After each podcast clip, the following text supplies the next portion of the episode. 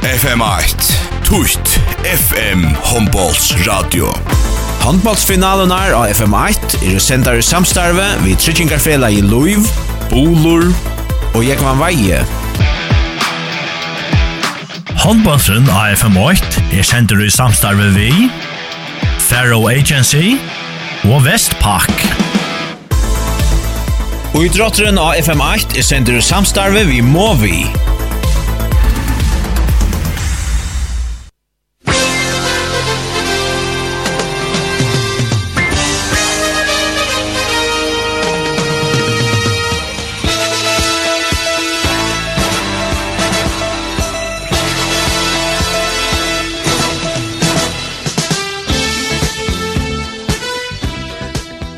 Kvinnenar tja ha H1 er og fyrja meistarar ter hava vunnet 3-0 i FM-finalen i oppkjernon av Nastanon og nu kan landskappingen i håndbalt vera lio i kvöld. Det er 2-0 til mennenar tja ha H1 mot KOF nu byrjar tria og møvelige avgjørende FM-finalan om ikke KF gjernaga helt genialt.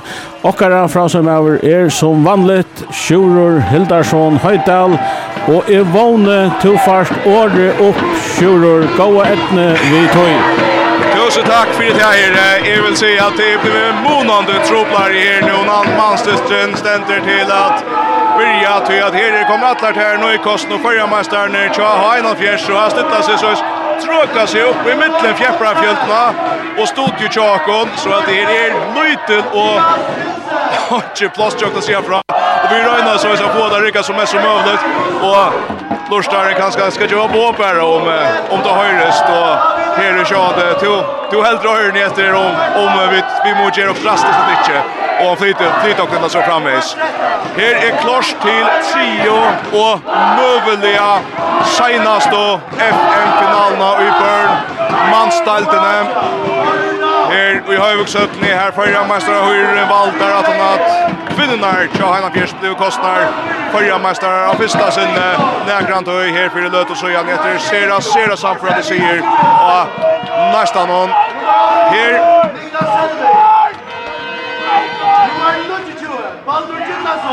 Her. Er om å være tilreier til Manstesten. Vi får lukka få fæltra av leikara listen Hetta er ikke seinast vi vil sija fra håndbolt Hetta kappgar, jo verre enn så. Til å beie mennene og kvinnene tja akkurat akkurat landslivsmenn og landstidskvinner standa fyrir stor nok over framman. Kanskje ein den aller største stende fyrir framman. Jeg husker kanskje vil lukka minna av hva for hent i neste vik HM Håndboltor og FM 8 Efter otrolig och cykrarna i januar heldur HM Lion Chafförska manslandstinen i handbollen fram. Nu ständer Tyskland för skåton. Och FM8 är självande vi och alla i HM Lionet. Mikodag klokkan kvart over fem er vi beinleis ur Tyskland i sia fra HM underkappgardiston i mittlen Førjar og Tyskland.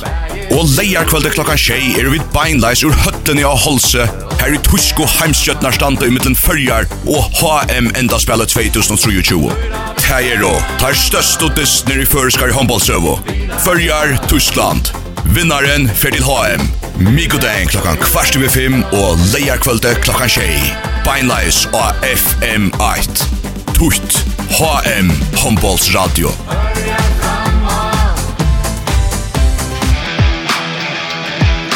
Håndbåndsen av FM8 er sender i samstarve vi, Faro Agency og Vestpak. Og i drotteren av FM8 er sender samstarve vi må vi.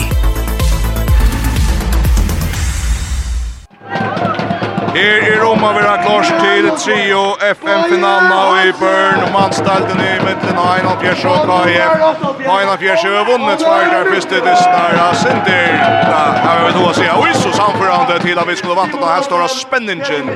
Og i det, Line Beier røpt opp, og jeg fer ganske at røyna at lesa det fyrir dekon. Kaja Farnier, så Jakob Thomsen, Andreas Nilsen, Gerst i husen hon, David Edvardsen, Emil Dam, Tony Hammerveie, Ragnar Gård, Barerdam, Frøye Veie, Nikolaj Blisnov, Hans Eli Sigbjørnsson, Niklas Selvik, Baldur Kittlason, Morsten Nyberg Kristensen, Rune Johansen og Åse Dam.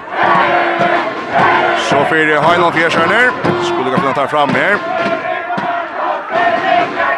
Are Dam, Sveinur Olavsson, Paule Mittun, Peter Thomsen, Johnny Gord Johansen, Hans Kari Hansen, Paule Jakobsen, Sergej Trøndarsson Frydal, Peter Mitchalsson, Janus Damdjurus, Roe Ellefsen og Shiva Gøde, Paul Søymon Ygerde, Roger Siskason, Peter, Peter Krog, Boje Hansen og Ole Mittun. Og Lona Duin og Ikke helt seg på Heina Fjers, så måste bli över till det er Heina Fjers kvinner som just öppnar färgen måste har tråkat seg mittlen fjärpar fjöltna och i mittlen mikrofonerna tjaka och vi har funnit en loss som vi har allt Rickard vi får suttja vi tar det sinne som tar kommer. Det är som antar ratteliga trångt sälja med igen till en FM-final och här har han fjärsarna att börja vi bulten om vinner där det är där förra mästare vinner KF så blir det så blir det minimum minus att säga att det snurrar ju man vinner trutcha dyster. Och Einar Bjørsson har vunnet, tar tveir og tar peier. Og i Stauron, Støl, har vi hoa sida. Vitsport og Hjalta Mo Jakobsen senast. Fjall kan KF Kjera, og han sverer seg til nesten her, man har vunnet har høy med skatter, og han kan skal til tveira dem best.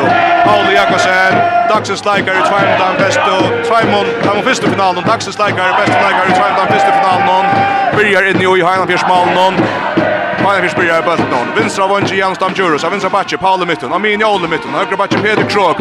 Unja høyre Vonji, Peter Thomsen. Og strikene Peter Mikjalsson.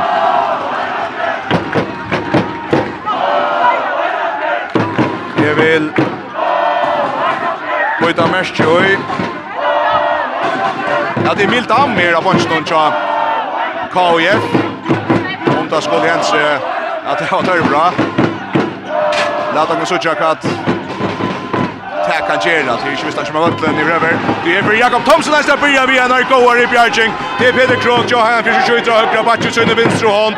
Jakob Thomson har efter vi Bjärkar go Bjärking och Fralik börja för KIF. Och mån till det söder som hever vi det tvärtar först och tystnar. Här är vi er Johan Anders Malbergen, Pauli Jakobsen som är i Ötlund. I beskriften Kåsen dagsens leikar i fyrst og FN-finalene, og vi er og FN-finalene, vi er en Rikva Bjergjegon og Rymmar Bjergjegon Han er eisen i landslagshåpen som fer av landen om mandagen etter hetta. Sporningen ned om ta Heina Bjørn ned i førjameister, etla om tar landslagslagaren vi sitter her i det skulle vända efter och spela FN-finalen när det när. Det händer och Kaja Farner på Mika och Månen i Sala och Desmond. KF er nere i alloppe. Her blir vi tjej månne i alloppen. Kanskje eiste vant at her rykker han vel i løtten.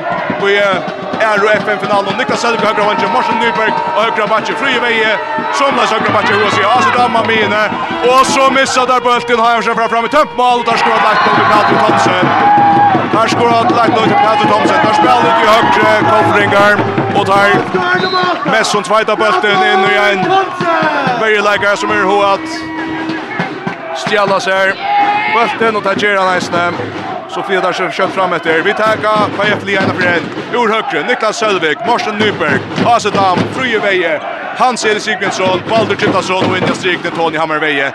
Och i vägen kommer Jakob Nyttal in i malen. Och där är fyra Asedam. Och nu ett av väl. Där spelar en länka bult ut av vinstra vång. Baldur Chittason tar en smuskan chans och skorar otroligt väl. 1-1 i mitten Heinafjärs. Och KIF, Heinafjärs har en kött i all upp. Släpper stjöken för fest och så taggar där Ferna Lydsunder av bulten och taggar där Ferna Lutsunder av bulten och börja att sitta all upp i upp. Och så halter jag att domaren är må ut och prata vi hattla varandra här om kvart du kan löva av och så när först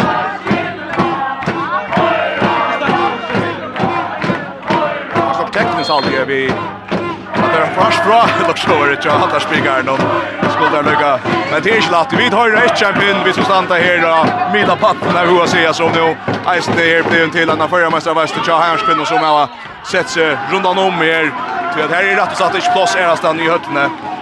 Trutje mot Farner, 8-8 i Hajanfjers av K og i Baldur Kittasson har vi jauna fyrir KF fram i Urvångsgåte. Heimersson i allratt. Peter Krog, Glenn skulle ha bra. Han sätter ner till Hesever. Han skjuter omvänt av senaste skott. Någon Hesever skjuter han upp och i tattar Rumänien. Och så är det 2-1 till Heinolfjärs. Trutcher. Och en halver minut i färden. Tvejakt till Heinolfjärs. Kolfringar i alloppe. Atte vid Tjejmonnen. Atte vid Tjejmonnen. Och KF i alloppe onor. De har missat sig bulten till Asisk som har 3 och 3 om att Bötter kläpper av hånden, men han hälter hon natter. Och Kolfringar släpper en sketch som här. Börjar som Nutchung. Spär Sherman Jarl.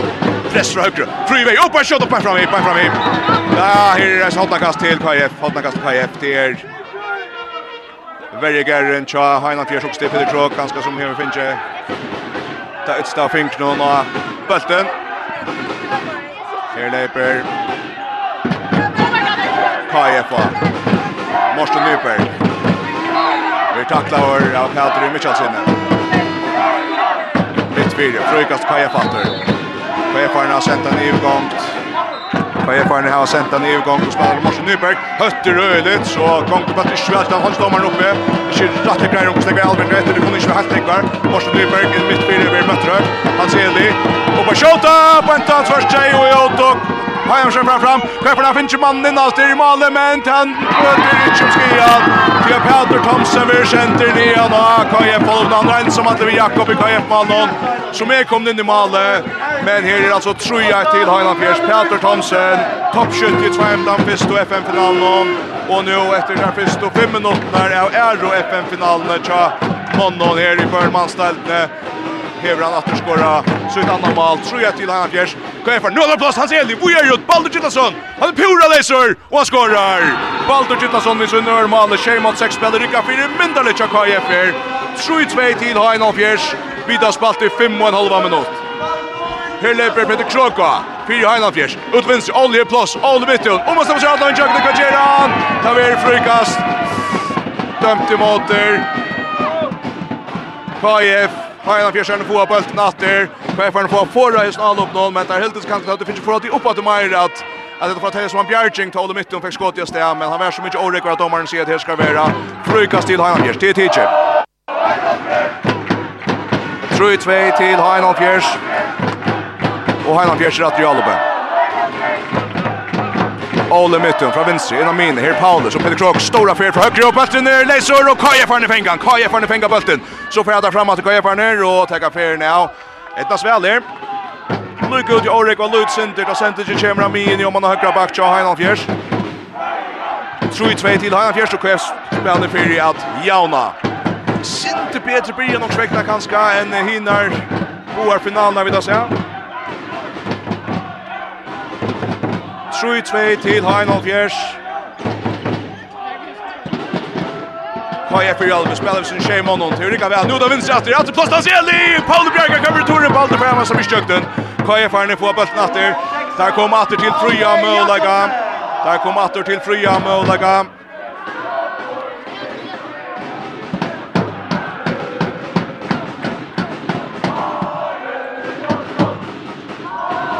så rör han åter till vänster. Ballen gittas som inte kökt ner åter. Och jag får Aldo. Mars Nyberg. Helt enormt så skjuter han Palbjergar. Har jag försökt få bollen åter och tar får han helt åter. Nika Selvig på ena sidan kommer fram. Han rör efter Tordon, men han har försökt rensa till inte fäst i Atlova. 3-2 till Heinolf Fjärs. Palle mitten ut av vänstra. Vanger Jenstam Jurus och så 4-2 till Heinolf Fjärs. Efter han går aldrig från Paula Mytte och han blir tacklad och Rorek och rullar väl så skiftar han bulten i vänster hand och Vi henne släpper han av Vojar om han har vänstra vank här när han nu är råpet till Jansdam Djuros och han tar sin chans och skårar till 4-2 till Heinolfjärs. Janos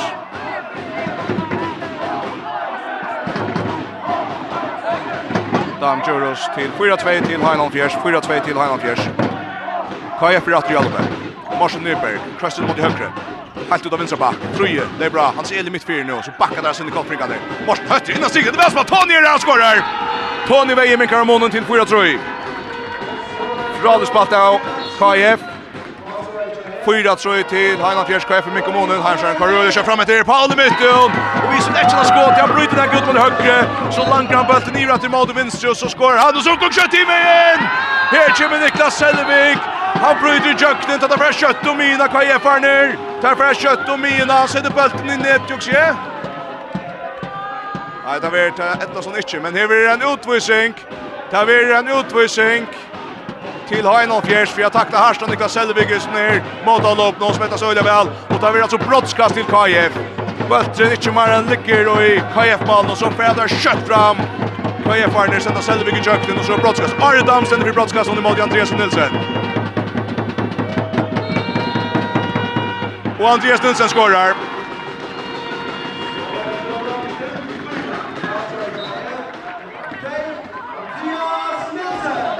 Her er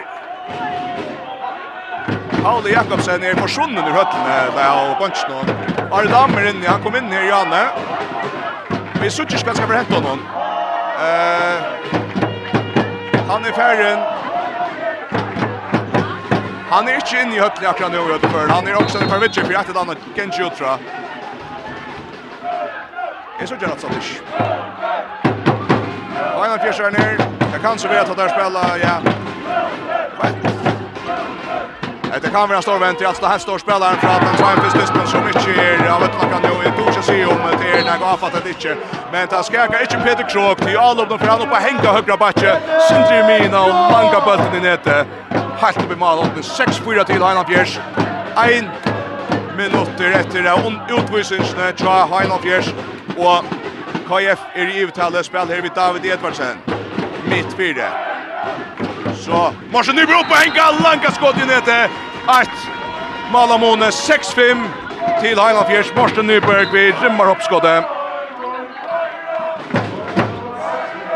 Ein er sin rett i bunchen og Heiland Fjers. Her er Paul Jakobsen vi sa det som ikke. Vi får få grejer att det som det som nöjer också. 6-5 till Heinolf Fjärs. Touch mot Farner. KF Farner. Hengo er, där finns det touch mot när alltså ju FM finalen. Det var alltså Efter är FM finalen nästa att Simon Olsen lägger sin drag Trustjongsvekna och AKF Farner han helt inte att de hade liv upp till det stöd där skulle ha ett logo show var det.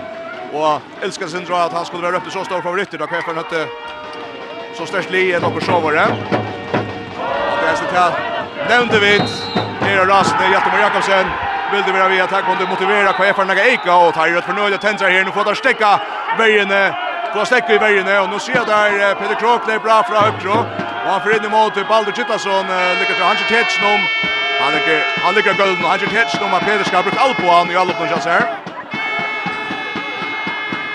Leikar øyeliga hatt da her i Høyviksøttene. Vi har spalt i touch og en halv minutt. 6-5 til Heinolfjers. Og her er alle kalfringar en og om at her skulle være rett kors til Peder Krog. Her lever Peder Krog at det skjøyde på Enteberger. Han ser i fengabalten. Så får jeg tuska den igjen av Heversholmene. Stepan Laveta Gerrard han skårer og så Jalla går 6-6. 6-6 i middel Heinolfjers og KF. Hans Eli Sigbjørnsson. og Heinar Bjørsson er alle bjatter. Av vinstra batje, Ole Mittum, Pjore av, inn i måte, vi takta vår frukast, frukast. 6-6 i mitten av Heinar Bjørsson og KF, en halvt ånder distar mynd enn det hever vi Vi distar, ja, den første løtten av distan hinne på av her. Her altså Heinar Bjørsson som i sin tria sikkert kommer til å seg FM heite, men Karlsbringer kunne spytta dem spjallet. Hva gjør det her? Peter Krok skjøyter på etter stundsjen. Jakob Thomsen hever. Er fitt Petja spelt om han bøtte Stutskien. Korsene. Peter Krog på sin tre amale. Peter Krog på sin tre amale.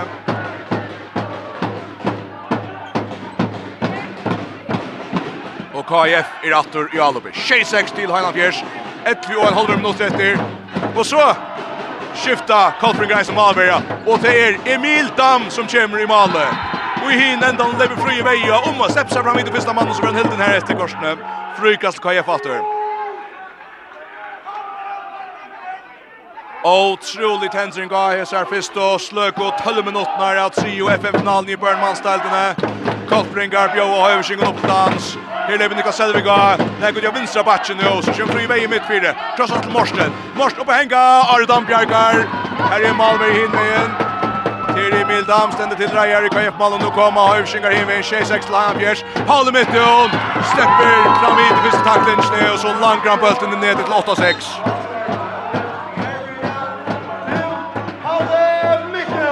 8-6 til Heinon Fjers, og KF skifter ut atør. Begge linjer skifter ut, av vi Malvern. ved. Stora søvn er sånn at det er helt stor opplevelse, og i tvei måned er man finnes til dysten, Pauli Jakobsen, han er omgått enn suttja, han blir i distan. brått av hver borster. Og vi må bare boja vita, om vi får opplysker om hva skjer til honom.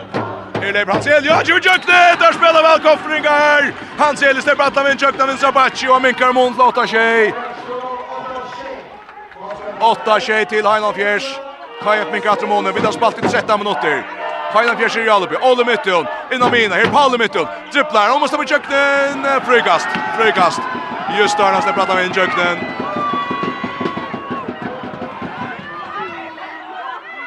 Åtta tjej till Heinald Fjärs, nu kommer Paul Jakobsen ur skifterum, någon i Weidsjö om Heinald Fjärs här nu. Soffa Latlia, jag har alltid kärd här snygga vasse. Han är väl ute i skiftrum när vi fysar på honom. Det som är kanske också mest om det han ska gärna vara klar till några landsar som har Tyskland som är framan så det tycker kanske inte är efter om det kan mot Darvan och inte. Åtta tjej till Hain och Fjärs. KF är i varje stöv och han får inte tackla. En annan affär och han får inte tackla det är några kan väl bättre ett sent här av Gjörsta första löpnar att han skämtar första finalen. Här tjej mot sex spelare som rycker helt väl. Det rälsar en affär av Georgia. Annars är Skulle se att det över vi rullar väl spatt. men nu spelar Hörsel med Emil Dampjärger. Emil Dampjärger Bjarczyk Det kostar en utvisning till en kontring. Gammal nu med KF för bulten åter. Det Peter Michelsson som vill spalta fyra strikene. Peter Michelsson vill spalta fyra strikene men Emil Damm vi är rymmar Bjarczyk och bulten stöcker om för mål och målkast till KF. KF är ner. Mo gammal nu så China synom honom. Fer av ötlen i tvär minutter till Baldur Gittason som ska tackla skarpt i stöven. Det blir näcka flytingar. Ta Heina Kristian i lipp. Lobo har så satt inte orka kvär bråte skulle vi fram. Men jag utanför om Kolfbrinkars kom fram med allt Jauna. Emil Dam. Vi så inne först i Bjärgäng. Och Kaja Fatrialobe.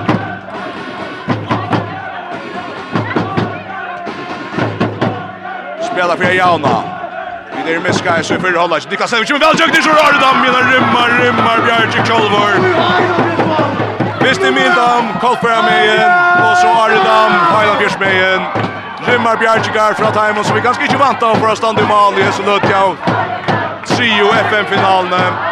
Åtta tjej till Hajla Björs. Hajla Björs är nu spela. Hajla Björs är nu spela i uttalsspel. Kolfriger undermannar i går. Han notat att Olle Mytten mittfyr så Paul Mytten last Ola. Olle Mytten Vi och han tråkar. Han tråkar i vägarna. Undermannar kan jag förra sända fyra. Tar locka Ola på inte fältlarna och Ola leper in i mittfyr och så tråkar han och så är det åtta tjej till Heinan Fjärs och KF rattar bulten och tar här var knappa minuter efter jundetallet.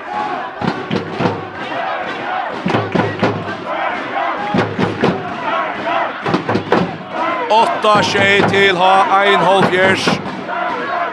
i Irjalobe.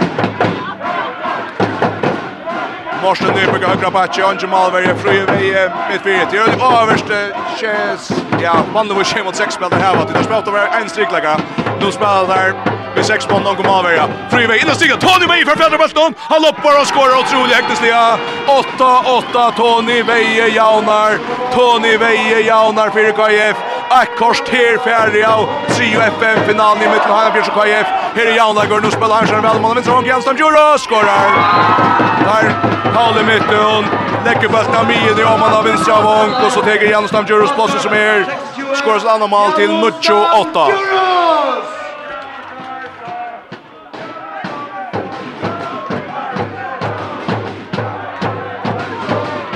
Så Gias Kolsbryggar fullmanna här och till det där en Eka Backe. Där spelar vi fyra backom. vi inte spel då. Einar Strike. Packa där syndrom i höger. Alltså Dammer som blir Morsten. Morsten skjuter i Berger Norrdam men där bulten. Så kastar fram till Töppmal. Där tar inte av Hövsingar fest. Peter Krok fint som mot höger. Här Peltor tycker emot. Han vill ansvar fest. Och Emil Dam är kommit att Malio Kolsbryggar har fått oss här. 8 till Heinald Fjärs.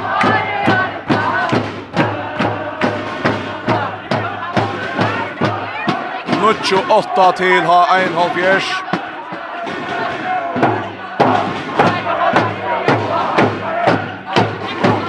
Og ha 1 halv fjers at Jalobel. Paolo mitt og mitt vinner stigna. Pedro mitt som pengar bølte vel. Och brottskast og utvisning. Og slulja vel spalt fra Paula Mittonen til Pedro Mitchalsson og strikne. Paolo viser stusse alvering. Mittlen føtnar og i KF-bergene och Paolo touchar bølten och så vill han krøst här efter Her brottskast till Heinald Fjers. Peter Hon Peter Thomson täcker. Hooks sätter första brottskastet Johnny där. Det ska ha två mål och åtta spelare. Det var Emil Damme i KF Malmö. Peter höstra center. Han skorar. Peter Thomsen vi syn om trea målet. Det är väl toppskytte hinner får dystnar. Peter Thomsen. 8 till Lion fjärs.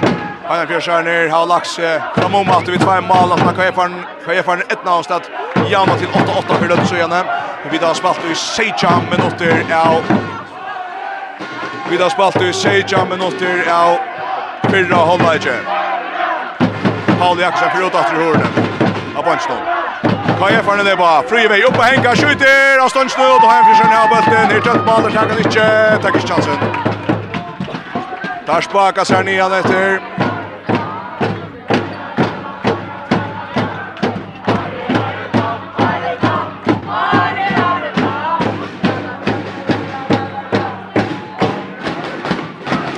28 til Heinon Fjers. Vi har går 12 minutter etter å spille. Nei, ja, 12 minutter etter å spille for å holde ikke, skulle vi si. Ole Mytte og Stepp Bøtte. Vi er Niklas Sellefinger, han tar henne på en strikna. Kolfringar av Bøtten og Natter. Ole Mytte vi er Sjønne Elving, men som atter omhøtte. Og det er Kaje Punch, nå stender Julian Johansen til Reia Tega seg timeout. Tuccio 8 til Heinon Fjers. 12 minutter etter å fyrre holde ikke. Oj, Øylen Trusta her i Høyvøksøttene. Koltringar. Vel vi her i 3 og FM-finalen. Nekk bedre videre av Hinar på her finalen av Joa Sia. Her kokar och så bier Julian Johansen om et bra i Leitsnån. Og legg gröna korset på det og vi tjeva Lukok Sjånastek. FM 8 FM Finalo Hombols Radio. Handballsfinalen er av FM1 er sendar i samstarve vi Trichingarfela i Luiv, Bolor og Jekman Veie. Håndbollsen av FM8 er sender i samstarve vi Faro Agency og Vestpak. Og idrotteren av FM8 er sender samstarve vi Movi. Og i ikke noen for jeg vil høre samrøver vi Martin Klein Johansen til Vujtjentje og Peter Dam Jakobsen til Skala. Gjør så vel etter Høyvøk. Takk for det her. Takk for det her. Herre, her har vi spalt i går 18 minutter av fyrre halvleik av trio FM-finalen i Børnmannsteltene. Her har jeg fyrst altså vunnet Svært er fyrst og FN-finalen, der snur om å vinna trutjar, så er det jo meistare, Terbo har ikke vært helt så spennende, men her er vi KF av Olvara. Bjøy av i fyrre hållet og til Kjærne vi skjer mot seks spennende, den går i verje, og så er det Emil Damm i mål Malmö. Og i hiden Danne Stora Sønt, han er Paul Jakobsen, kanskje. Ikke ser så byrk ut av spela, her er vi nå til skifterommet, Lenka Lundra för att hålla Jar Damsen till Malon. Här har Kjaftan Gabjärtska sig till. Nu har han spelat om att vinna bulten. Känner Skorsnes och Prakka Efar när det är bara till. Här tar sig mot det freeway på Kjodda! Och bulten för Malon. Bulten för Malon. Jag skjuter upp om vägen och så ner i hoppning. Helt nere vid högre så ja. Och så är touchen och tjack Malamoni att det är Palme mitten i vägen. Emil Damberg men här i Frykastören. Frykast till Heinan Fjärs. Touchen och till Heinan Fjärs. Heinan Fjärs.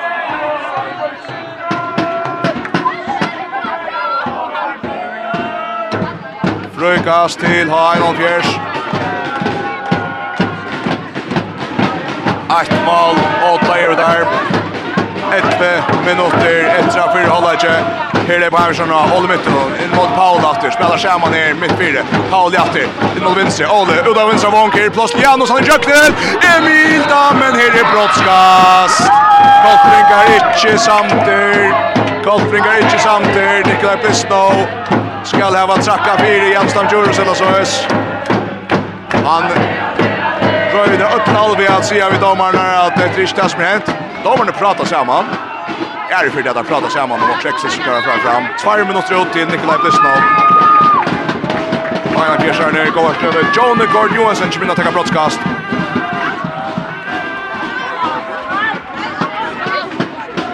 John Gord Johansson som vill ta brottskast mot Jakob Thomsen som kommer in i kvartmål nu. Boja Langer, så er det klart. Han skorar! Han skorar 11 Nuccio til Heilandfjers. Jone Gord Johansson med sin första mål. Valfjörd Heilandfjers. Nuccio, Jone Gord Johansen! Här lyckas på han knötter till så tusen Dursnikon.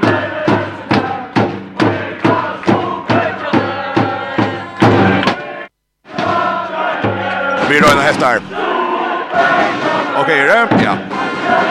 Vi rønner etter. KF er Njale Bjartor, 11 og Nuccio til Heinald Fjers. KF er Njale Bjartor, Eli Andersen, plass av vinstra Batje og frykast.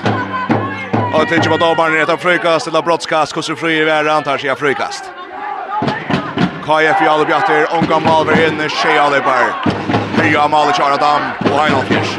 Hans Eli fra vinstra Batje.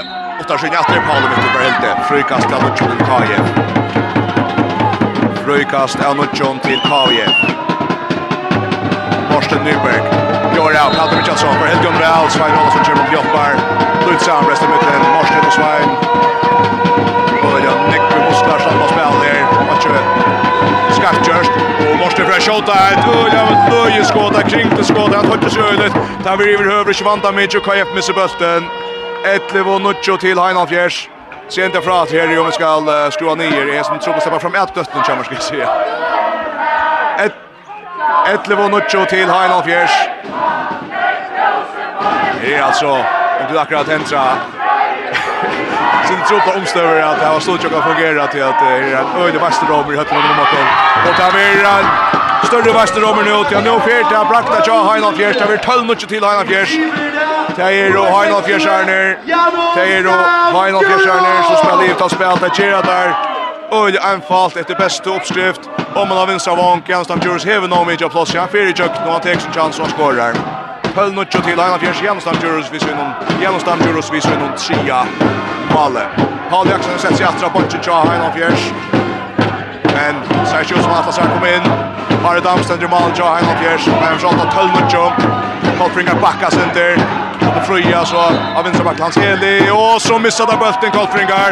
Där har riktigt en strikning är ju utsagt dömt och ja. Här är ju sagt dömt och låter sätta en lycka bulten nu i KF mål men det har inte vidkänt.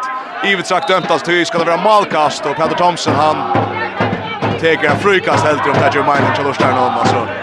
Ja, där ser det bulten spelas Skyvon. Ja, Skyvon stäjer. Så Heino Fjersjerne får momentan her nu. Atter kommer fram fram och dödjer på 8 mål av Mone. Olle Mytte hon sätter sig av bunchen. Rowe Elfsson Kiva kan köpa in i Kiva spel. John Heino Fjersjerne spelar så här Peter Höcker som Paul Levinsen. Så check på där skiftet. Paul mitt och repair mitt fyra. Det vet jag vi är. Och då vänster vång Jens och Bischökte. Det handlar spelar kvar i här skärne. Rowe. Och så vänster matchen. Paul lägger mitt fyra. Innan stigna. Bötten läser. Håll håll på han. Höjda fisken på han. Så för Paul mitt och att detta mitt fyra. Han säger han vill tackla sin dräckvisliga. Domaren säger nej frukast till KF. Nej, jag kör med, nu syns jag. Frukast till Heilandfjärs, KF har kvar tackla. Köln Nuccio till Heiland Fjärs. Heiland Fjärs är uppe. Skruva bulten av strikna. Och Ivitzak dömt. Ivitzak dömt. Peter Mitchelsson tvejts av bulten. Per Per i målet, men han ska ha över innanför det. Kolfringar får av vars fyrje så stövne får faktiskt vinna sig bulten. Ett nästa ämne ända att uh, krösta Heiland Fjärsjärn till att du som var i en spel. Och så är det tre mål av målet. Kolfringar för fram för in kommunen. David Edvarsen för fram i 26-12. Vi är fri i väg möter högt och släpper bulten har ju försökt ända vi om men KF är i frukast. Och där vi med skjulet ut från Hajan vi spant någon att just Kava Bruxla för i här. Så får skott här Lucas sissast här utan man ser att det var inte och så spelar han på plats. Så spelar vi handboll på plats. Kölmucho till Hajan Fjärs. 6 och en halver minuter efter att förhålla sig. David Edvarsen. Upp, oj, det är bra med Nägger högt jattan vid mittfyrer. Så blir det att Nägger tröst visst om också att David Kjemisk måste. Och så tröstar sig samman och hur frukas som Lutscher Chakayev. Sirena gör öl till högspelet. Han ser det är bra för högt. Roma skott och för bulten i målet. Han för bulten i målet. Han ser det Sigurdsson via skott i Morsronk och högra backe. Höjvingar hevien. Sveimal och Moni åter. Bulten läser. Kolfringer där vid honom. Kolfringer fram fram. Han ser det ju fri för bulten fram. Fri för Kjolvar. Mål! Et mål av Måne, 12-11 til Heinald Fjers. 12-11 til Heinald Fjers. Og Kolfringar her var finnes spenning og i at FN-finalen her Mink og Måne nir i et mål. Nå er det 5-3 for Hållaget.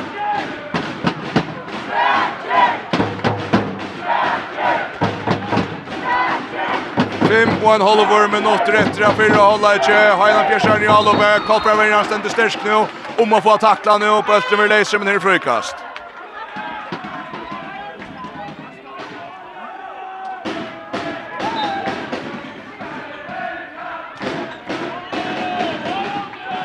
Tølvet lå til Heiland Pjersjern. Heiland Pjersjern i halvåbe. mitt fyrir Rowe.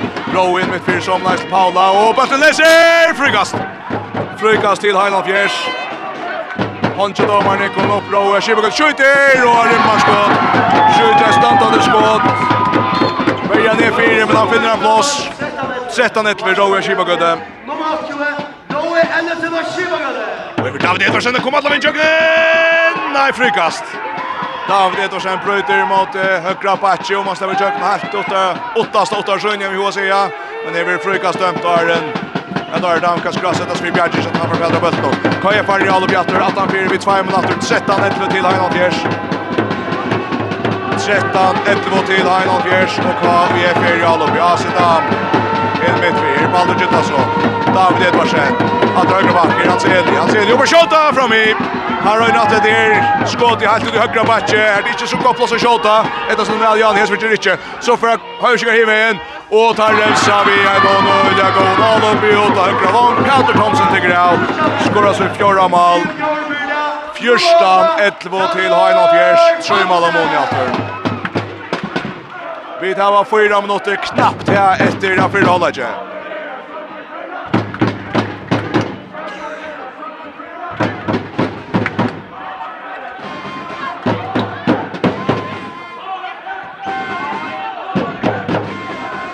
KF i rattur i Alupen. Morsen Nybygge kommer att spela høyre til Asa. Asa lyssnar på sig för att ta vägen!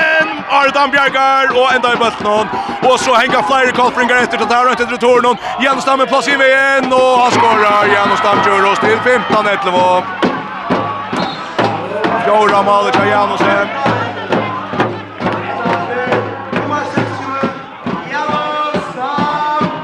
Janostam gjør oss avgreier shot all oppe tja Line on fjärs fyra myntar liavel. Ett är som de montar er otroliga struliga kvassrys modal upp någon. Himin har kallt för gräs högt beslöjk under det. Lägger hjärtan och löter. Nu har Hörsinga finner sönder luft. Fyra mål ni till KF. 15-11 till Heinald Fjärs. Och KF är i Alupen. Marsen Nyberg. In mot min. Fri väje.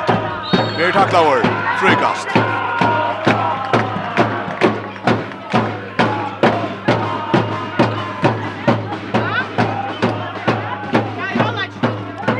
kast till KFT Teacher Morsen Nyberg skjuter marskott. Här standande skott som är så mycket Harstad har ett amnar nästan inte ser där den där Malmö. Sju mål om efter KFT min kommun till 15 12. Är för då Schibbe går till Deutsche Bonn att Raffjäst. Kommer fram og tar sig på benen vinner stöna Roa Schibbe går till släpper till också. Sint åtta sjön i vänstra backen. Och så är 16 12 till Highland Fjärs Roa Schibbe går.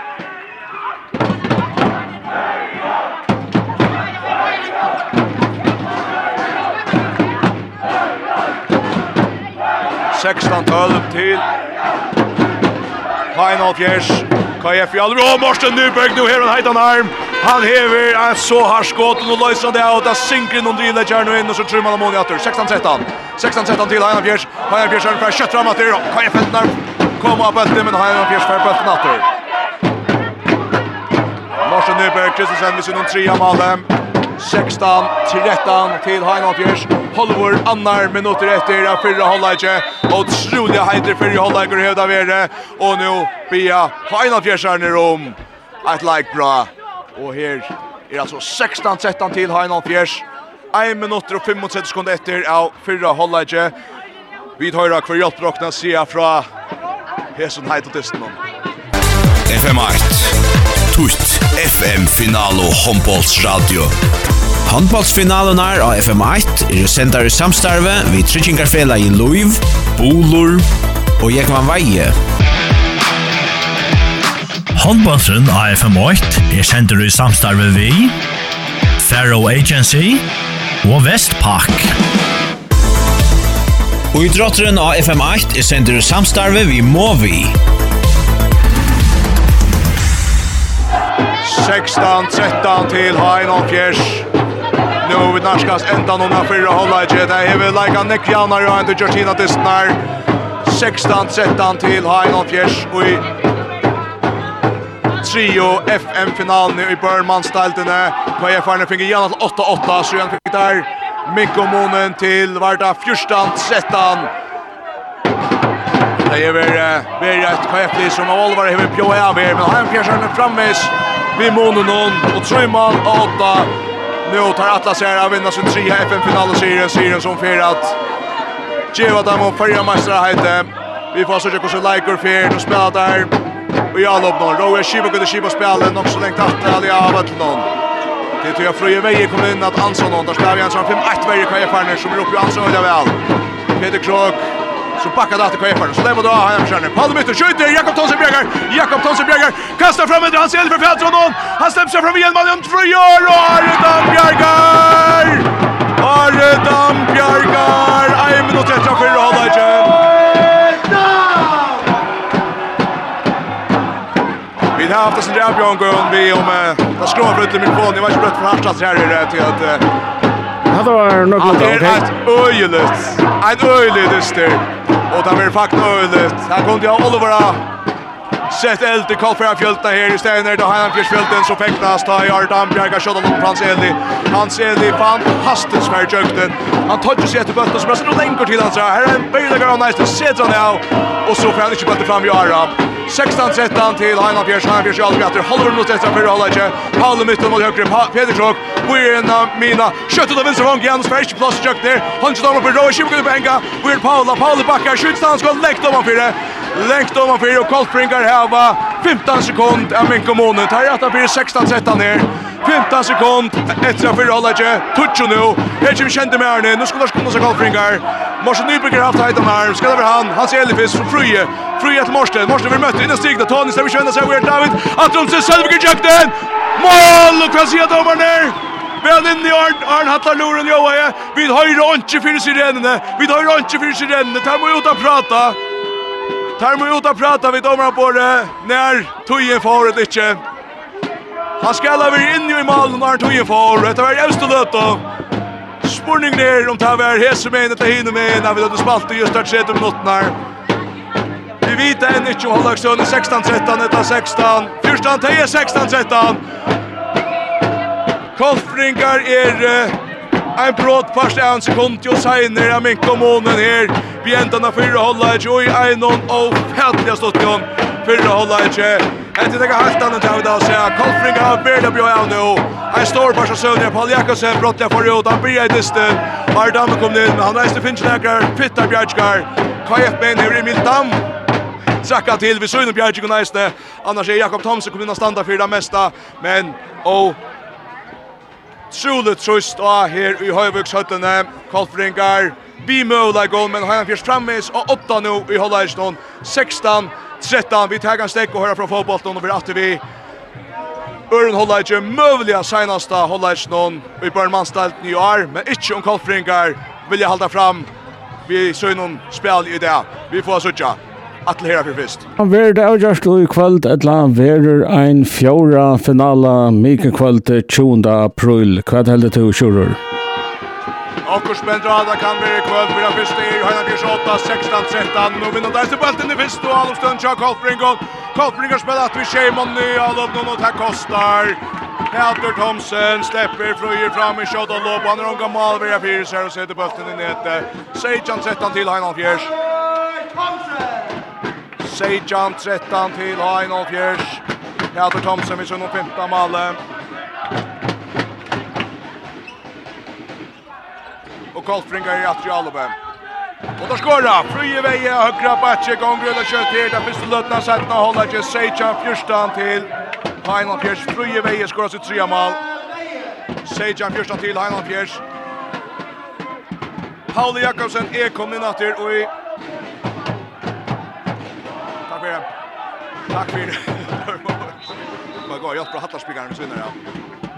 Sejan Fjørstan til Heinan Fjørsten og Lund stekker spillen skulle ta kvar er inne. Paul Jakobsen altså inne i after i Heinan Fjørsmalen han eh oh nu då Nikolaj Blissna och KF som kom så sin trubblagar vad han förresten inte sint halt han jag vet inte Halas tattnar. Vånande vi hand til Reier etter som tjatast. Hajan en standas vi Paula Jakobsen i mal. av vänstra Vanji Jenstam Djuros av vänstra Batje Ole Mytton. och Namine Paula Mytte och högra Batche Peder Krok och högra Vanji Peder Thomsen i striken Peder Mytton. Ole Mytte för plats ut i vänstra och han kör med Jökten Holger Lange luften Og så lytter han bølten. om man blir Jakob i malen. Og Ole Mytte skoras upp i stammal. Og det er Adjan fjärstan til Heinald Fjärs. Heinald Fjärs er nere börjar er opera väl här i setten av håller check vad jag får nu hava. Eisen skorar ett mål nu för att att det kvar mål med nu. Jakob Thomsen alltså i mål nu för att jag stöv så kommer Morten Nyberg han är minne. Och vinstra match alltså Eli Sigmundsson. Han vinstra vanje Balbo Gittlasson. Og høyre bakke fri i veie, og høyre vondje Niklas Selvig, og inn i strik noen, bavon strik noen, er Rune Johansen og Tony Veier. Rune Johansen som strikspillere her. Skriver nu väl till Hans Elis kollar och checkar men så vann bollen till Gillesson checkar Paul Jakobsen Bjergar. Paul Jakobsen Bjergar. Paul Jakobsen. Och Jan Fyrstan till Highland Fjärs och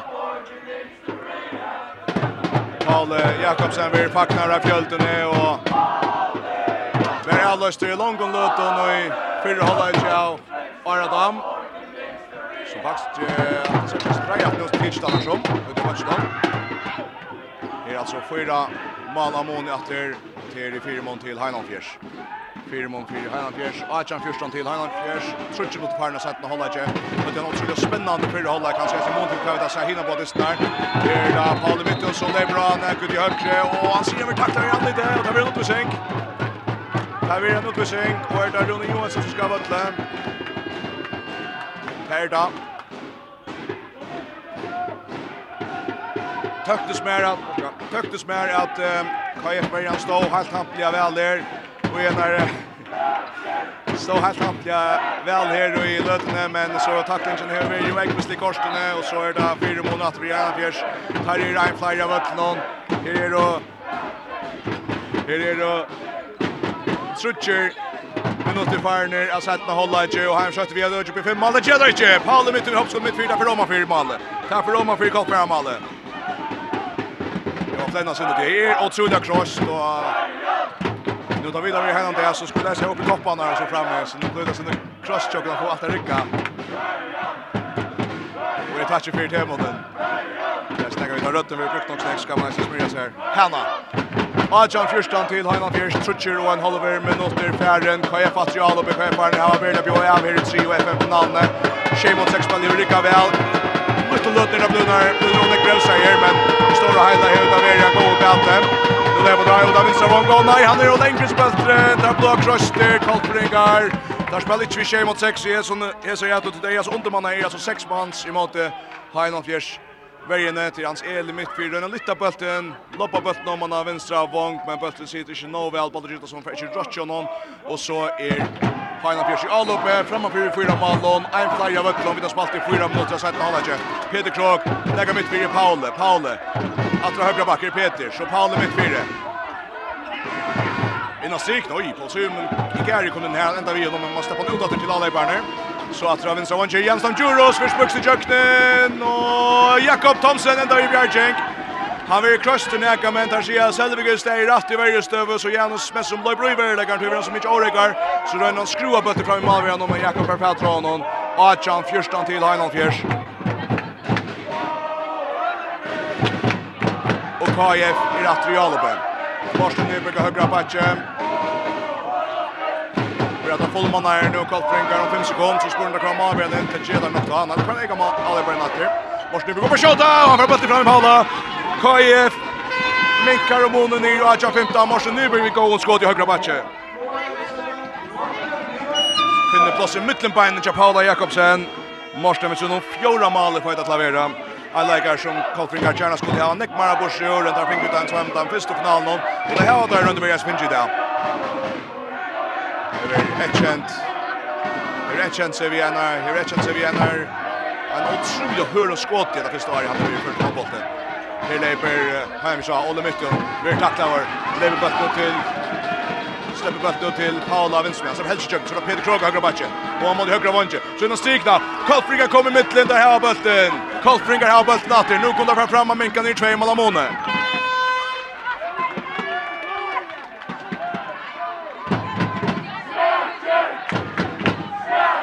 KF sitter kjenta man. Nei, så omstemmer det seg. Så spiller vi seks mann i alloppen. Og 18-15 til H1-0-4 KIF og i alloppen vidt har spalt i seks minutter. Jeg har sett nå holder ikke frie med i midt fire. Vinner Morsten Nyberg og høyre bakke inn og av Tony Pura frigjør. Han loppar og man fire og man fire mål. Han skår ikke. Han loppar bøtten om man fire mål. Fire minutter lever vel spalt. Kjem noen spukst ut høyre kanskje i mån till inte skåda chans sex spelare så James Buck still sky med när vi var säga ut i högra loppa bulten ta Paul kommer ut och bulten för om man för mål det kan för inte mål Gatt nu inte någon mål kan att minka ner två mål så sporten försökte för enkla till att han känner sig att Butch blir fyra mål. Här har jag 15 till Heinald Fjärs, vi vidare spalt i 6 mot 17 hållet. Paul i mitten, innan mina, Olle mitten, väl spalt en stigna Peter Mitchell Jimmy Jökna skorar. Otrolig Alvin från Ola mitten. Oj, nej, där är inte vilken mål. Målet blir ikke vidkjent. Hjalta Mikkelsson skal hava norske innim norske och Petja Maltain och så tur utsagt dömt i Matti Heinolfjärs. Kan väl säga att det var brottskast till Heinolfjärs. Alltså Ja, brottskast till Heinolfjärs. Och så kommer det bli en rot åt Lorstaren. Heinolfjärs är en fotboll som möjligen att vi brottskastet. Den första matchen blir inte vidkjent. Men det är alltså brottskast för den tacklingen som är på Hjalta Mikkelsson i stövnen. Peter Thomsen tar mot Jakob Thomsen. Österqvist, och han skorar väl. Höggebulten upp och i malhoppne vinstremense. Nujtja 15. Satta malet till Petre. Thomsen. Som alltså är vid toppköttet. Vi tvär den första FN-finalen. Och så är Nujtja 15 till Heiland Fjärs. Petre Thomsen toppköttet där vid sex mal nästan. Vidare spalt i 20 minuter. Jag har sett några hållare. KF är Ujalope.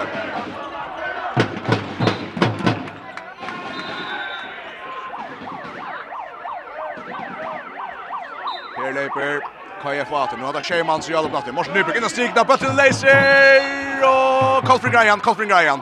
Och så tagga där time out. Där blir ju ett like bra. Julian Johansson ligger gröna korset av Borna. Borre. Shea minutter. Sjeun holder mot færen, er settna holleidje. Nujjan 15 til Heinan Fjers.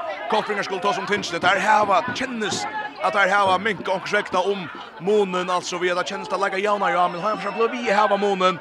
Er fremma fyrir fyra malen natter.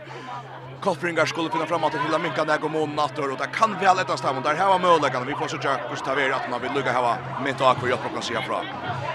FM 8 tutt FM-finalo Hombols Radio. Handballsfinalen er av FM1 er sendar i samstarve vid Tryggingarfela i Luiv, Bolor og Jekman Veie. Håndbollsen av FM8 er sender i samstarve vi, Faro Agency og Vestpak. Og idrotteren av FM8 er sender i samstarve vi Movi.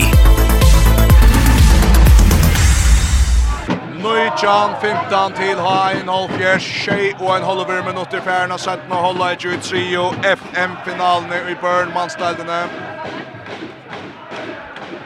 Kolfringar, Dujja Sunamen, Hans Eli Sigmundsson kom inn til Realopet, han løtta søgn, han er her også igjen. Ganske sen sin skarvjer, men han gjør. Morsen Nyberg har haft høyslagt den här och løtta. Hans Eli midt fire, og høyre bakke Morsen Nyberg. Amin är fri i vägen. Här bulten, åh, där tar Kicks sin skifte och Heim känner stjäla bulten. Peter Michelsson för dribblande fram efter, släpps fram isen Verlagar och Verlagar stånd ut. Men returen för till Heim Fjörsera och han utsacken om. Kolfringa på bulten Natter, Kolfringa på bulten Natter. Kolfringa släpper i sketchen här, nu honkar Heim Fjörsera, nu hade utan stuk. Kolfringa, in mitt i Morten Nyberg, tacklar var, utvisning. Utvisning och flyttas till KF. Peter Michelsson skall ha vött i två minuter.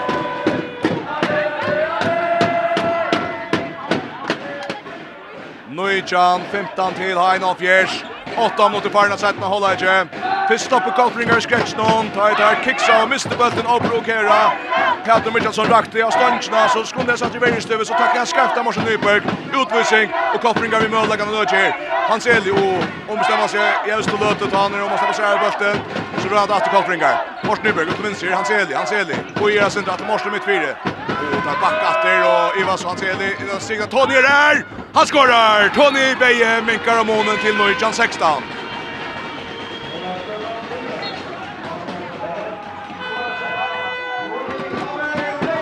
Norjan 16 till Heinan Fjärs KF minkar om månen efter.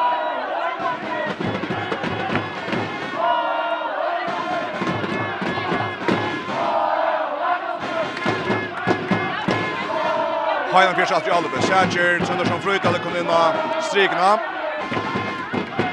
Så spiller her Otta Malberg med här under man är Hainan Pierce er alle mitt og mitt fyra og Bartoma bra läser där vi inkast til Heinan Fjers. Där vi inkast til Heinan Fjers. Oliver mitt och högre Roa. Roa Shibagudens. Oliver mitt fyra till. Will Roa. Roa har lyssnat plats. Han står bra. Vi gör en Pell Thompson tror gör. Och han skorar. Pell Thompson. Shemal. Och det Och till 20-16. Helder Thomsen. En läggare som kan känna sig rätt att trycka när vi har valt Rorsens Lee också. Rymmar av Rick, vi som heter spelen efter. Jag tror det står pass att ett av så väl tja Heina Fjärs att släppa att spela att spela där vill jag Gärna att han kommer ha all lite av vanschen tja sig så väl stakunde mot den här så väl stakunde av Helder Thomsen. Hevde fullt aldrig lite av honom så släpper du så har du flere målager. Her Morten Nyberg, up Krøsta bøtten strik strikna, Rekka og spine her frykast på igjen.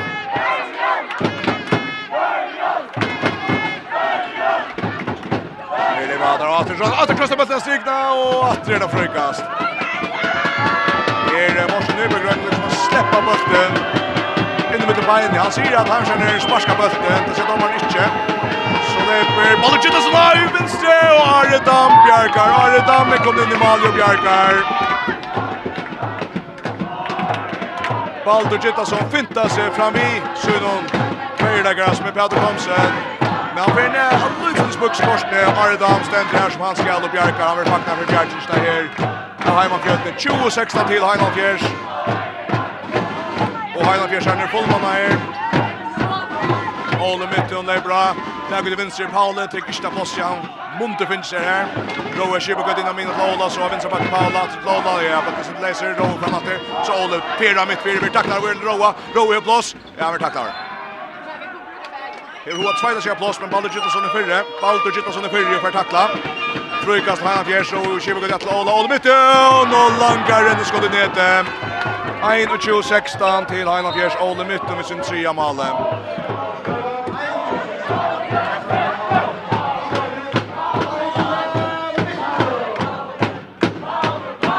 2016 til Hain og Fjers. Så er fem mål av måned. 11 minutter ferner av settene av Leitje. Morsen Iver skjuter! Pauli Jakobsen er kommet inn og han bjerker bøtten mest som lofta bøtten. Han er lyse hver skåte fyr. Han er ut vid stønsjene og fjer bøtten så pent i brinkene. Vi er 21-16 til Heiland Fjers, og nå blir vi da suttje der så mot tendensen der som vi da ser. Oi, i 5-2 mot første testen. Det er Heiland Fjers her nere som Hava om entan och nu kommer spjärn till Ödjast. Det är högsta lagar rummet jämt och en löte. Men nu har han Björn ner. Späka för en Ödja. Först med fem mål. Spårning om det kommer ökt det här. Rowe Kibo går till högra matchen till Ola mitt och mittfyr. Att Rowe. Rowe att Ola. Ola vinner matchen. Paule. Paule björ av. Tackar Naga och stämmer till Ola. Så Rowe och Batten Leiser. Han kör på natt där till väl. Innan stigna Petter Michelsen där bortom. Frykast, frykast. Han fær ikke skåd i måte någon og hever frukast. Hånden til domaren hever opp igjen og løp til. Hoks ikke der her, nekk etter i Rangersjønner. Der skulle mest røyne som i hoppskåttet. Kanskje det her en egen alveg etter. Paule pressar. Atle Roa, Kibagad, Jondraskått og Jakob Bjerkar, returer fer. Jakob Fengar Kjolver. Jakob Thomsen, Bjarkar i ballen. 21-16 til Heinald Fjers, 21-16 til Heinald Fjers. Og Kolfringar halda fast her i verje støvne. Nu skulle Tarminko Momen. Vi har en känsla av att det är väl lika jauna ja. Men Moner och Sinter kan se mig alltså. Fem mål är det kommit på att nu. Kolfringar skulle till Minko Mon Nattor. Där rör han där här. Andreas Nilsen i kolonnander. Högra back, Weird Asadam. Vi taktar Fis, backar Sinter. Så han ser det för vänster backen. Han ser det för plats! Och Pauli Jakobsen Bjarkar. Han ser det snajs här, Jönt utar sina vänstra backen. Lundsen är spöxt. Men Pauli Jakobsen Bjarkar. Så får Hemsjön Hivi. Framvis 21-16 till Heinan Fjärs. Och det mitt under tacklar Sinter HF. Hurras har tillvält. Frykast till Heinan Fjärs. Frykast till Heinan Fjärs.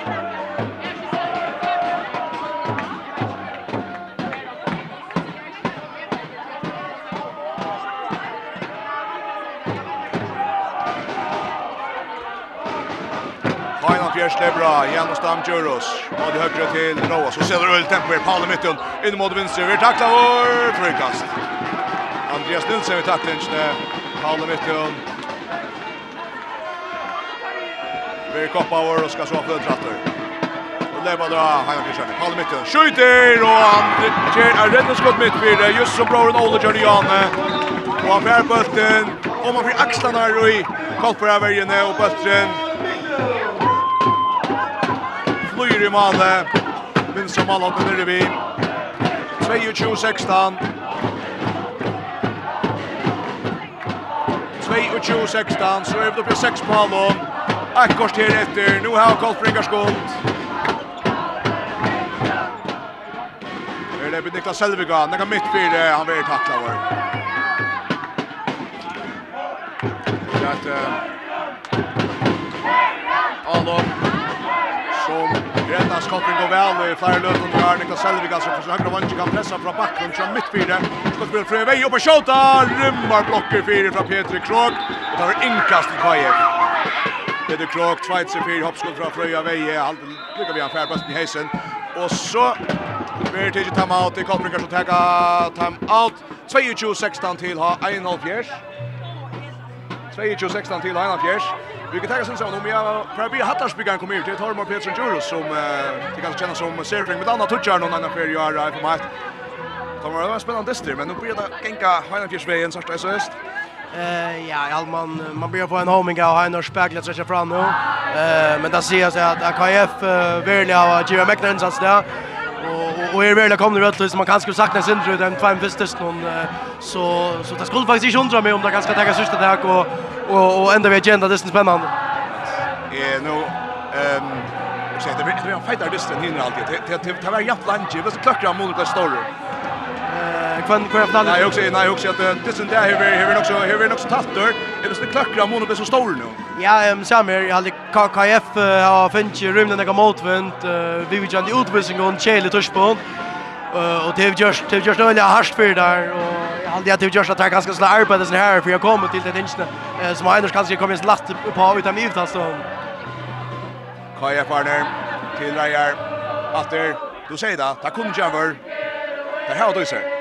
100% i allt man man man vill säga att jag vet inte om man kallar fanden i valsket kallar den där eh jag hade velat där kom det ut det om det lyckas finna där takten där framåt från Pirlo så kan allt än hända Mer spänns och slägger för vi har kors tid att spela så ska Tormor åter till sina mikrofon när han ständer som hallar spikar. 22-16 till Highland Fjärs KF är i all uppe av en så Niklas Selvig och på shot och blockar för det är broadcast broadcast ja, tar har blockat innanför det. Tar har blockat innanför det. Her er blokka innanfor Heinan Bjørkjørner, og så kan Andreas Nilsen minka månen ned. 22-16, han skal få upp fram i Palla Jakobsen og i Heinan Bjørkjørmannen. Og Andreas skorar trygt. Andreas skorar trygt. 22-16. Paul Jakobsen, og onøkt i vik hos et av Broskans. Det blir fram på, jeg tror nok hva det er. Det var, skulle det være Josh Ivetsakeland, jeg kan sove det. Men uh, tryckt i malet. Fem mål mån efter 22 seger Andreas Nilsen med sin öron mål ut där för att lavera. Ja. Heina Fjärs Atrial uppe. Det Jack det Jack väl. Där första, där första rundan med kommunen här. Att han har kvar till sitt senaste timeout. Vi där första måste att spela knappt det till Så håller mycket det är bra. Han får sindra plus en trepper jökt ner i broadcast. Där kände Peder Thomsen i övergång till högra vånche. Och så Helt i vinstra batje, her rykker han så sinter, og alle midten er som har skått i jøgten, tar verlegaren, lyka hykker etter strikspilleren, og hva han nu skal gjøre, så er Ole i jøgten, og han vil takla over. Og sent, og her er brottskast. John Gord Johansen for å takke brottskastet. Og i måte Emil Dam som kombinator. Emil Dam, han vet ikke hva det er som John Gord Johansen setter belten sikt fram i standande foten og venstre med Emil Sui og Tjo Sejan, 6 mål after Amone. 13 minutter etter å spela av og FN-finalen. Nå bender Mairo at dette blir den seneste FN-finalen etter vår kvepperne som bjåa og oppdans. Bjåa virkelig av i fyrre holdet Enten av fyrre holdet ble året for Kolfrikar. Og hva hender? Det blir en ball, ja. Det hender alt møtesen. Det David Edvardsen som skjuter ett standande skott. Han skjuter otroligt väl och skårer og minkar målen i fem mål. tror ju att han just ta bøtten med skotten. Så så låter så bruksar domaren och han ska utvisning till Heinalfjärs. Malen ständer vi och in i striken Chaka KF över fors så mycket näck att här hava att här hava Heinalfjärs är Marskaft och här är 3 och 2 Achan till Heinalfjärs och Heinalfjärs är en utvisning.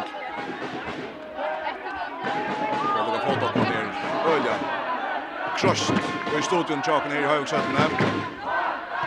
Her Leiber, Palle mitten av Udmader Høyre. Roi Ashiba Gød, ja, for bøtten i Male. Roi Ashiba Gød, og vi ser om tre av Male. Og Koffinger for himmelen, Niklas Selvig Gød og. Rune Johansson Jøknen, han skårer. Fantastisk spalt av Koffinger. Rune Johansson, han kanskje første av i det. Mest som bæra spalt. Spiller mest som best avlopp. Selvig, selvig. Rune Johansson skorar. Rune Johansson. Fyrir tjo nøytjan til Hein Fjers. Fyrir tjo nøytjan til Hein Fjers. Og etter her i nekka vi så reisken fyrir Ola Eje. Topplinger som har skått om mina, ta i Hein Fjersen, han finner han i KF-malet skulle halda tatt. Der blir skora til KF nu. Her i Verjestov och Olje Paulus bara samman. Olje släpper inte jökte för Seattle. Glenn Atli. Paul fra vinstra bakke, inn mot Selvig. Og tackling, god takling, frykast med Angers. Koltbrinkar har stittat sig och i han har fläta värje. Så ska Luka Torska sig golvet nu. Peter Michelsson. Peter Michelsson. Vinstra bakke er ända jag gulvet nok svekna. Sjöfall mitt under en tvär. Näcker svarta gönda ska torskas och så ständer Pedro Mitchelson till drejer att sätta spel i gång där. Kan vi köra till. Hanche Thomasen upp nu och täcker för drall i mål i och så kommer han sånt ut efter Kolpringar. Hemsjön där bra. och det mitt bra. Stäpp fram i första läget in och stigna på till fötterna honom. Kolpringar på till nej. Frikast där. Frikast där. Olle Mittel, vi tacklar vår steppar bulten. Ska stossa han, Bæg Oli og Pauli har etter vi tar stossa bøttene fram vi. Bein mun kjær verlegger noen. Men så kjeffer han bein ja stryksparen Kjolvon. Men det er ikke så mye trøst omstående i frukastaren. Der skulle nok skjøta nå, Høyvskinger.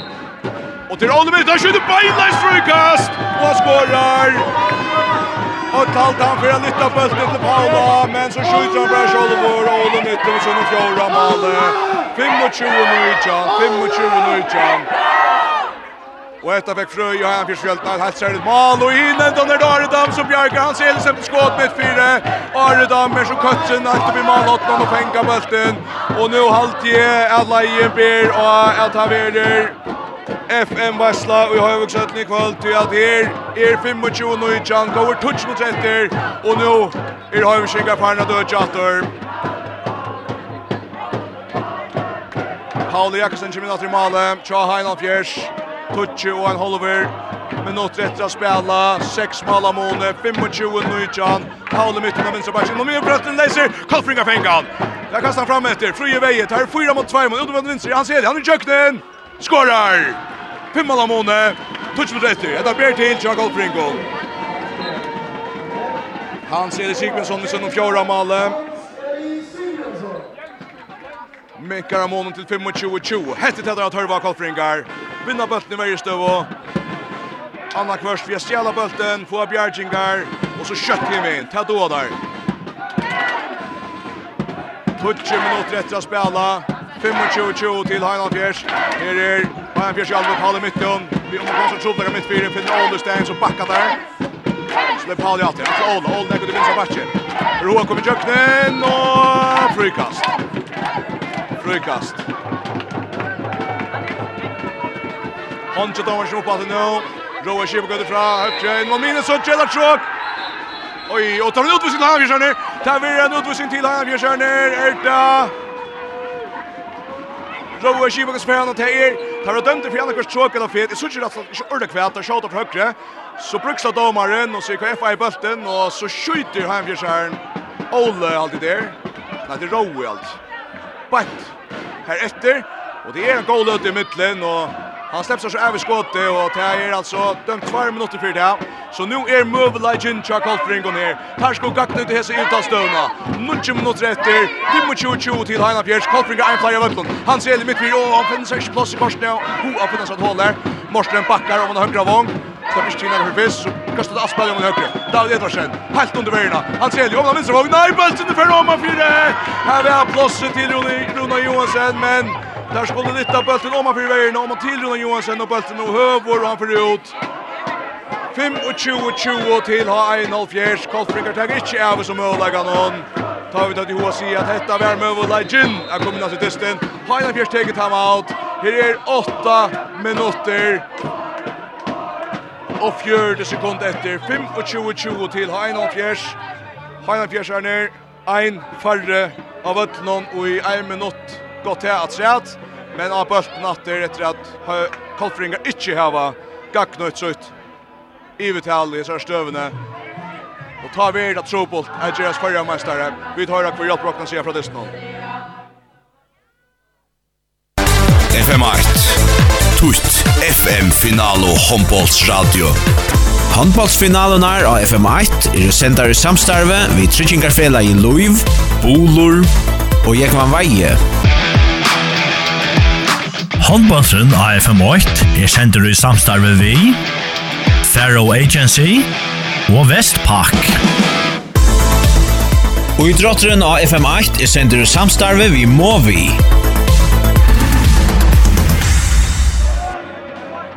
8 minutter og 41 sekunder etter at Sio FM-finalen i Omairo Maira Bendra. Dette er senaste FM-finalen i Børn, Manstalten i og i år. Ha en av fjerse 8, 25-20. Kolfringa Finkan i utan støv her. Gagnet du ikke, i stedet kunne Hausikka fra fram. At Øtja opp i 6 mål av mån i atter. Tar i en farja bøtlen Her tog som tinst i en minutt. Han skal sies, han var åttrolig god høyre her. Fjerdbra fjettet på, helsa kvørnøren. Vi går om stemningen. Så som jeg leste utføren. Hajan Björnsson i alloppet nu. Kolbringer har bruk för att vänta Ötlund nu. Där sista åtta minuter. Har spalt väl i det. Har fått Orik och Hemfischer nu. Otroliga väl. Men Asta för vi fem mål ner. Peter Krok leverar från högra backen. Krossan Pala Mittun. Här har lyssnat att trubbla igång. Finner Roa Shivagod och Peter Lassen och Peter Krok underskåd och rymmar skåd från Peter Krok. Här rännar Jontran skåd och där sinker i målet nere vid. 26-20 till Heinald Fjärs. Heinald Fjärs ökar vi Peter Krok. Eisen likar som vi kanske ut i hoa Saina som Man tar sig om alla mitt och Paula mitt och att jag säger Paula Jakobsen. Peter Krog han är framme så får stäck öll hin och så här var här var han för sig framme Peter Krog. Och nu för Arredam med Bjarka Asedam som jag åt sin vänstra. Rattliga rattliga spöks. Man touchar sig öjligt. Man touchar sig öjligt. Och Arredam Bjarkar. Helt och spurska chansen från Asedam. Och så halt i att eh, nu kjennest avgjørn av era meir enn bæri nånd. 26-20 til Heiland Fjers, Aredam i Bjergjeng, Asedam vi anlopp nå, lenter ytterligere, skal toucha seg øyelig til denne mølega, han lenter økslene, og man får seta seg og halte om økslene. Heiland Fjers er nær 8-26-20. Det var vårt Teipa Eline som i dag er en kappingar vant av å få standa her om hetta monte. Vi fingar en grej av att det kommer hem för hade Peter kors hand den första fel linjen höttest. Ta får väl kort korta för att vi tar så vi kan ta topptest. Vi blir topplinje. Vad står Seja fem i hålla stund. Görs om kan det bli spännande så igen här var han för sen Och något av det snarare kommer sig ta Och nu ser upp att det Peter ut. Peter Krog langa skott i nät utifrån. Och så är 20-20 till Hein och Peter Krog och nu 15 mål. 20 minuter efter att spela og her skjer Malamone. FM, fyrt til Høyvigard, her er det fleste samført om, det er også. Og Høyvigar Høyvigingar å sette leikar til oppbytting at Heimon så kan skal spela. Ikke helt sånn ek som hinner. Tjej og tjo og tjo til Heiland Fjers, Koltringar det var. Pust og velja sånne dykter, for å holde ikke. Kan jeg kjenne støvn og hefta hans ikke, og nå er Hajan Bjørsbergan vakna, blokkar mitt fyrir, her tomt mal, men der tega ikkje av, ja, det helst gjort gjørt av, ikkje kasta ein belt i måte ta man KF mal som er sista, kanska Peter er ein, annars har spalt seg nian etter vøtlen, og nå fæder nian av vøtlen, 22-20 til Hajan Bjørs, her er 6 minutter etter å spela, her er 6 minutter etter å spela, og Hans Kai Hansen kommer inn, og høyre bak tja Hajan Bjørs, det er vi røylig fakna hørt fra høtlen et ham, Det blir vitt upp på Jema sätten så. Hein av fjärs, Jens Snutsch och Fröst blir en upplägg, här fram ur upplägg och ett affär höttla Kogla.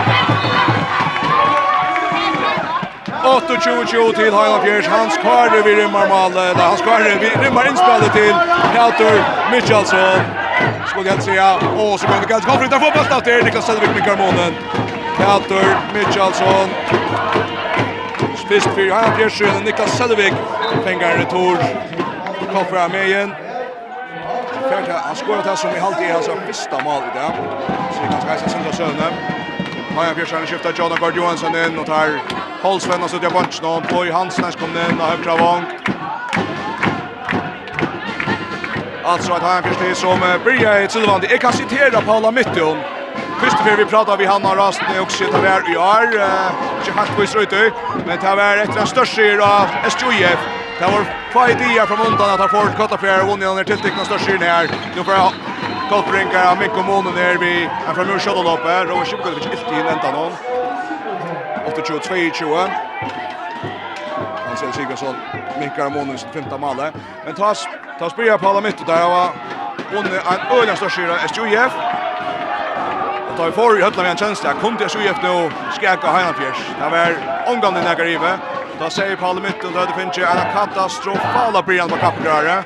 Där har då tappt emot VF. Jan like emot Jan like emot när ska tappt emot Klaxvik och tappt mot VF och så var det så Jammentisten som kan man inte finna Gunnar den första men tappte största här. Så han tar det bara på färja ena laja vi har se. Det var 6 oktober där tappte emot VF. Fast efter att ha spelat Europa Cup också. Og så han tar Hauda Gjørs Slattborg i bæg lands og stepakapping. Og her fyrir at det er blåa fyrir meister, Roman er fyrir en halva minutt. Fruje veie fyrir at Minko Månen her, vi er når rymmer oppskåttet. Fruje veie. Og jeg hos jeg vil vite at Nikkor Heinakers er fyrir landen. Ole Mytte og Nilskja Sottmala, Paule Mytte og Nilskja Sottmala, Paule Jakobsen og Nilskja Sottmala. Hedder Mitchelson hever jo du sagt at han vil fin skriva Sottmala. Han kommer sitte til Vildarli at fyrir etter at Efter Rockhurst och Sottmalen ända i Johnny i Island som är brottliga. Koltbringar, här vånar vi att hitta följtje virverande vill jag säga. Så jag tror att det är otroligt spännande det. Där mötte bara en stärskare här i år, jag vill säga. Nu lägger på Heina Björnsjärn i Hans Kari Hansen, Röjna Stossa Bölten, Peder Mitchelsson, teker i fot och här frukast till Heina Björnsjärn. 8-23 till Heina Björnsjärn. Heina Björnsjärn är i färdat. Ötja nu vi Pedri Michelsen skorar sitt andra mål i det här fallet att Lavera. Och KF är i alloppe. KF. Bara täcka att tacka vid Silvermersnån. Nu är det Sanna. Nu kommer bara dammen. Emil Dam över Finja Leiklot här. Det är helt ovanta. Men Rölja. följa ovant och börjar vi med andra rymmar rymmar Bjärkik. Bara vad är för nästa skifta Sindra så en mega för in där sås. Frive, ja han för otroliga väder Frive, i mycket av månen. Lucio Puricio kopplingar pinta att de slutar och till halvtid till också kanske kommer till att det är inte det som kändes att det var så stor månra. Hetta Hetta senaste. Hetta seinasta dødna Vaxmånen eka Han Öktust, helt vitt. Men nu kopplingar för Arna Pinta syndrom i hus, Houston ni kom in av vinstra vång tja. Tja KF. Tja leikar som till stora till. Tja han försöker Roger Siskason kom in og Sergio Frydell. Og för John Gordon som har skjutit att omse. ha, finish sticks där just. Oj oj så så bäst. Jan Stam Juros tätter in i Malmö Jakob Thomson han har fått något typ Peter. Kopplingar får bollen ut av högra vanker, Bardam. Aridam Bjarkar. Aridam Bjarkar på Aridam. Og høyre av vantje.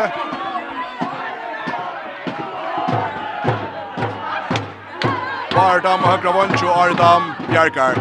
For Jansdam Djuros. Altan av Høkslån. Altså, det som hender til at han tveit seg etter en retoric av Jakob Thomsen i KF-malen. Alltså Jakob är Bjarka på att ut mot vänster vånge så tvaitas ju så så pressar där skärman Vångren kör Heinafjärs och Malvern kör KF. Vi vånar på att allt är i läge här. Han får själva ut någon för haltan i näka ut i köptrummet. Annars av uh, Ponchton Cha Hainan Fjerså så gör det lycka bräst rätt och fram. Svein Olsson han kom in i all uppe här. Det är bra här näka mot mig nu och mot vänster. John Gudjonsson som får skjuta. För fram i. Håller varandra minut efter till att Höjversingar vinna. Så ett satta masterheten man har varit. Taylor vinnaren fra i fjør. Vi har førre meister after nå. Mutta Løto. Koltbringar har meldt oss inn atter og i absoluta åtten av førskånd manns håndbollte. Men tar må bytja gör i nasta år til vi vil da Heinan Fjers som har vunnet etta. Med sant for andre førre meister heite. Vi kunne minnast. Vi reiser greibevinnare. Och vi reisende Kreiber vinner här efter vi er da. Ja, där kommer vi trött för en stafest av pura greit at her Där da mest sammen fra det steva finalen. Eit rymmer av Tja Heina Fjersmo i sida. Här står Ungen Time og Korn. Hoas Kolfringar her i løton særlig og i fyrre holdet ikke truste og fætja vel av og gau oppgående spennandist så gjørs det ikke spennande at enda Heinan Fjerskjerner Borne fram av sterskare verje og øylig talenten i alle oppgjørs her För ända nu också och pröva där ända vi har spelat här. Kan lägga bulten och golvet sitter sekunder efter. Jag vet inte kan man se det här. Ja, så går jag bara här. Tjus går detta till lagt bulten och golvet. Domaren är skulle väl sagt att stöma bulten till KF. Men vill jag där här lägga bulten. till att spela det förra. Ja. Anstrus på mot Maira. Oj, oj, oj, då är stöv. Jag tycker att det kommer som kör en timme till att Ja, man ska släcka så så spela och så är är Leo och så tyschar sig den av Butler. Han ser och ser att Lewin stöver här att ända. Eh du kör och ser kanske halv domaren att han måste kanske kallfika svär på men det tycker kanske inte kan spela spela på den vägen. Du nu får ut i fakta en chans. Höjvskinko. Vi tackar för frasökna här och Stefan och Heinfors är förra mästare. Vi har vunnit trio FM-finalerna vid 22 och 24 och vinner alla 30 FM-finalerna. Vi möter KF här. Nutsjö 24 det senaste åt här er det förra mästare efter samförande avrik